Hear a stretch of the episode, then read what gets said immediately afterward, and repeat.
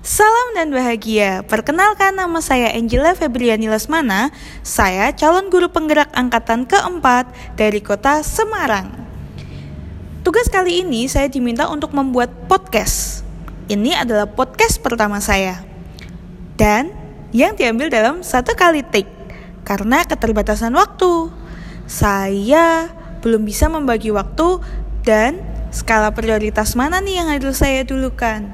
Karena di sekolah saya juga memiliki tanggung jawab untuk menjaga atau sebagai proktor ANBK tingkat SD. Tugas kali ini oleh Pak Hermawan diminta untuk membuat podcast menjelaskan tentang peran atau nilai dari guru penggerak. Di modul 1.2 saya belajar banyak sekali nilai-nilai guru penggerak serta peran-peran dari guru penggerak tersebut. Saya merefleksikan diri untuk nilai-nilai yang saya ambil sebagai saya guru penggerak. Yang pertama adalah nilai kolaboratif. Nilai kolaboratif sebagai guru penggerak kita harus bisa bekerja sama dalam tim atau kita harus bisa menyesuaikan diri dengan situasi dan kondisi yang ada saat ini. Saya tidak merasa kesulitan akan hal itu karena saya adalah pribadi yang ekstrovert. Saya mudah bergaul dan bekerja sama di dalam tim, sekalipun itu adalah tim baru yang baru saya kenal ataupun lingkungan baru yang baru saya singgah saat ini. Untuk nilai guru penggerak yang kedua adalah inovatif. It's okay to be different. Kata dari pengajar praktik saya, Mr. No. Mr. No bilang tidak masalah menjadi pribadi yang berbeda, asalkan tetap dalam koridor yang semestinya. Karena menurut saya, pribadi yang inovatif terkadang memiliki pola pikir yang berbeda dengan orang-orang yang lain. Dan saya imani, saya yakini setiap individu pasti istimewa. Setiap individu pasti memiliki keunikannya masing-masing. So, it is me, Angela Febriani Lesmana. The one and only, hanya saya. Saya tidak ada duanya, saya tidak ada kopiannya, karena saya bukan kembar. Mungkin kalau saya kembar pun juga pola berpikirnya akan berbeda. So, it's okay to be different reflektif. Nilai reflektif yang saya baru sadari saat ini bahwa ternyata kita itu sangat-sangat penting untuk melakukan refleksi diri. Sebagai seorang guru, harus membiasakan diri untuk bisa melakukan refleksi diri. Tidak hanya refleksi pembelajaran saja, materi yang disampaikan, kemudian siswa sudah mencapai apa, apakah sudah sesuai dengan tujuan pembelajaran, tetapi menurut saya, refleksi diri secara keseluruhan Bagaimana sikap saya dari pertama kali saya masuk kelas jam 7 pagi hingga akhir pulang sekolah ketika saya tatap muka skala full dengan berbasis shift, shift pagi dan shift siang. Shift siang. Tapi di sekolah saya, SD Masudilini Gedangan, dan saya mengajar di kelas 3, untuk saat ini kami masih melakukan sistem daring. Di kelas online saya, saya juga harus berefleksi dari mulai pertama kali saya menyapa siswa hingga dua jam kemudian, saya harus merefleksikan kembali sikap saya sudah pantas belum di depan siswa. Apakah saya sudah menunjukkan role model sebagai seorang guru yang bisa digugu dan ditiru oleh para siswa saya. Dan saya juga harus berefleksi juga dengan refleksi-refleksi yang diberikan oleh orang lain terhadap saya Mungkin siswa saya bilang, Bu Angel terlalu cepat. Miss Angel, suaranya kok pelan. Itu saya juga harus merefleksikan diri terkait dengan refleksi yang diberikan oleh orang lain. Baik dari rekan sejawat, guru-guru yang lebih senior, kepala sekolah, orang tua murid, dan para siswa saya. Kemudian nilai guru penggerak yang berikutnya adalah berpihak kepada murid. Saya sangat setuju dan mendukung bahwa kita sebagai guru harus berpihak kepada murid. Tagline atau jargon dari guru penggerak itu sendiri adalah berhamba kepada murid. Artinya, di dalam pembelajaran kita harus membuat murid itu menjadi senang, menomorsatukan murid. Murid jangan hanya mendengarkan kita yang sedang ceramah di depan kelas, tapi kita juga mengajak murid, kita harus berinteraksi dengan murid kita buat suasana kelas semenyenangkan mungkin sehingga siswa rindu untuk bertemu dengan kita. Khususnya saya, saya masih pembelajaran daring. Pasti siswa-siswa bosen selama 2 jam. PR nih untuk saya menentukan atau mencari trik gimana caranya agar siswa mau open kamera dan interaksi bersama saya selama 2 jam ke depan di kelas online saya.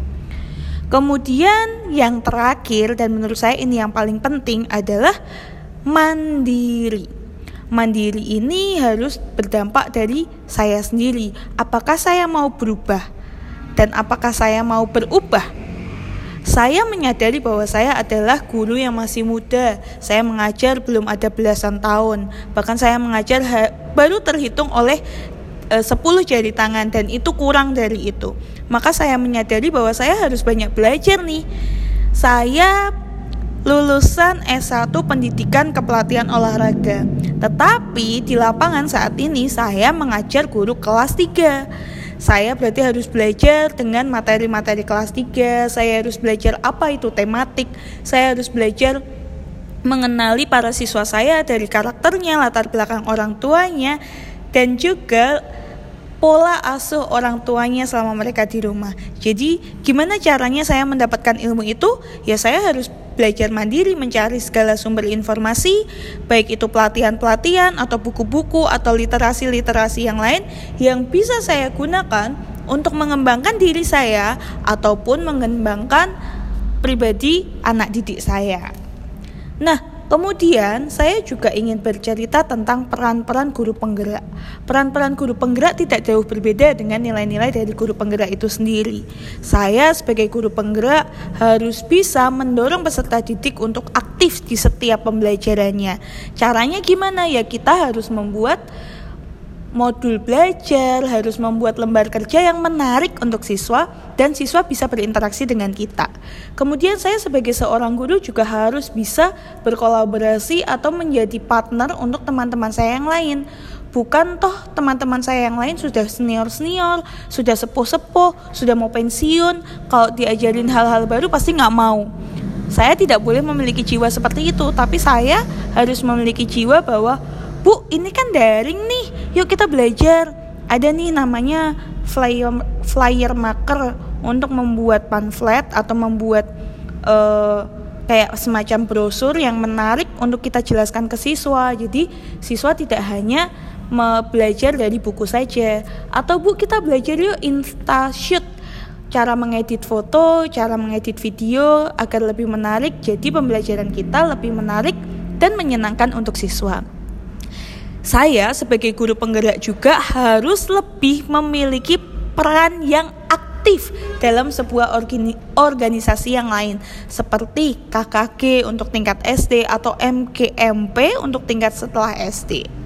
Saya juga harus belajar merubah RPP saya menjadi RPP yang berhamba kepada siswa atau menjadi RPP yang merdeka belajar dari sumber-sumber pembelajaran atau mungkin dari skala isinya saya harus rubah gimana caranya RPP saya ini menarik sehingga saya bisa menyampaikan di kelas juga secara menarik tidak membuat siswa bosan. Salah satu sederhana yang simpel untuk menumbuhkan karakter siswa, khususnya di kelas saya, saya menunjukkan kalian itu harus menjadi pribadi yang pemberani. Setiap kali kelas online, saya selalu menawarkan kepada siswa siapa yang berani memimpin doa. Kalaupun tidak ada yang berani, saya akan tunggu sampai ada satu siswa yang berani, Bu, saya yang pimpin doa. Itu saya memberikan kesempatan kepada siswa bahwa kalian mau belajar bersama-sama dengan Bu Angel, tapi bukan Bu Angel aja yang aktif, kalian juga harus aktif. Begitu juga dengan saya tanya, kita mau belajar apa nih hari ini? Matematika dulu atau bahasa Indonesia dulu atau bahasa Inggris dulu? Seperti itu. Jadi saya menawarkan kepada siswa saya apa yang ingin mereka pelajari dulu atau apa sih pelajaran yang masih belum mereka mengerti dari tugas-tugas yang sudah saya berikan.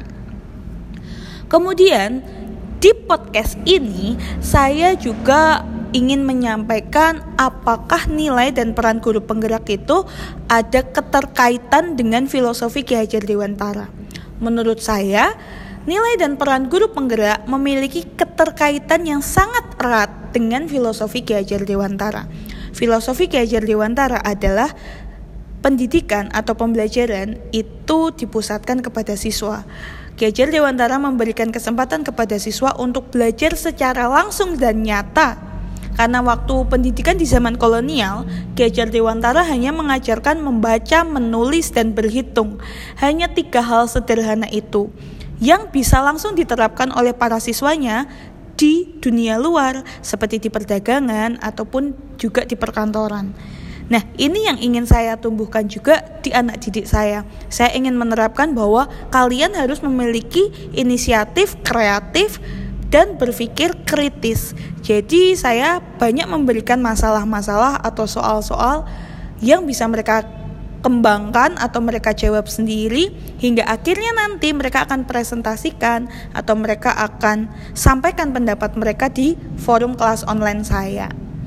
Kemudian um, saya juga diminta untuk membagikan refleksi terbimbing serta ilustrasi yang sudah saya buat pada saat demonstrasi kontekstual.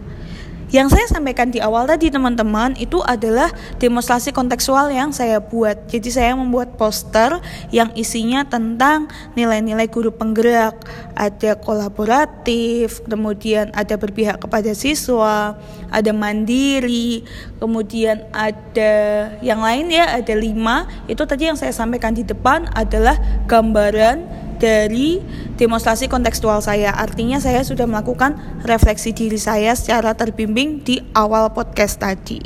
Kemudian yang terakhir, siapa saja pihak yang dapat membantu saya dalam mencapai gambaran diri saya di demonstrasi kontekstual tersebut. Siapa saja yang berpihak atau siapa saja pihak yang membantu saya, yang jelas yang paling utama adalah dari lingkungan sekitar saya kepala sekolah, rekan sejawat, para siswa, orang tua murid, dan juga orang tua saya sendiri. Karena tadi di awal saya menyampaikan refleksi itu tidak hanya kita sendiri yang berefleksi, tapi kita juga mau menerima refleksi atau masukan atau koreksi dari pihak luar, dari ekstern dari orang lain. Mungkin kita merasa selama ini mengajar kita sudah fine, kita sudah membuat kelas dengan nyaman, kita membuat kelas menjadi senang, menjadi happy, tapi ternyata untuk sebagian siswa itu boring. Untuk sebagian orang tua murid nggak cocok miss kalau dipakaikan ice breaking seperti ini untuk siswa kelas 3. Nah, saya harus bisa menerima itu. Maka pihak-pihak yang berperan dalam diri saya untuk menebalkan gambaran dalam diri saya tentang nilai-nilai saya sebagai guru penggerak atau peran-peran saya sebagai guru penggerak yang jelas yang penting adalah lingkungan sekitar saya orang-orang yang benar-benar dekat dengan saya di sini konteksnya adalah kepala sekolah rekan sejawat orang tua murid para siswa serta orang tua saya pribadi dan juga selama pendidikan guru penggerak 9 bulan ke depan yang berperan adalah fasilitator saya serta pengajar praktik saya. Jadi saya juga harus mau menerima masukan dari Pak Hermawan selaku fasilitator dan juga dari Pak Nularsi selaku pengajar praktik saya. Kemudian saya juga bertemu dengan teman-teman CGP yang lain. Itu juga bisa menjadi refleksi, bahan refleksi, bahan masukan untuk saya agar saya bisa berubah dan saya bisa berbuah karena saya memiliki impian setelah selesai calon guru penggerak ini, saya bisa menjadi pribadi guru yang dirindukan oleh para siswa karena saya bisa melayani para siswa individu lepas individu dengan karakter mereka sendiri-sendiri dan keunikan mereka sendiri-sendiri. Sekian podcast hari ini, sampai bertemu lagi di podcast berikutnya.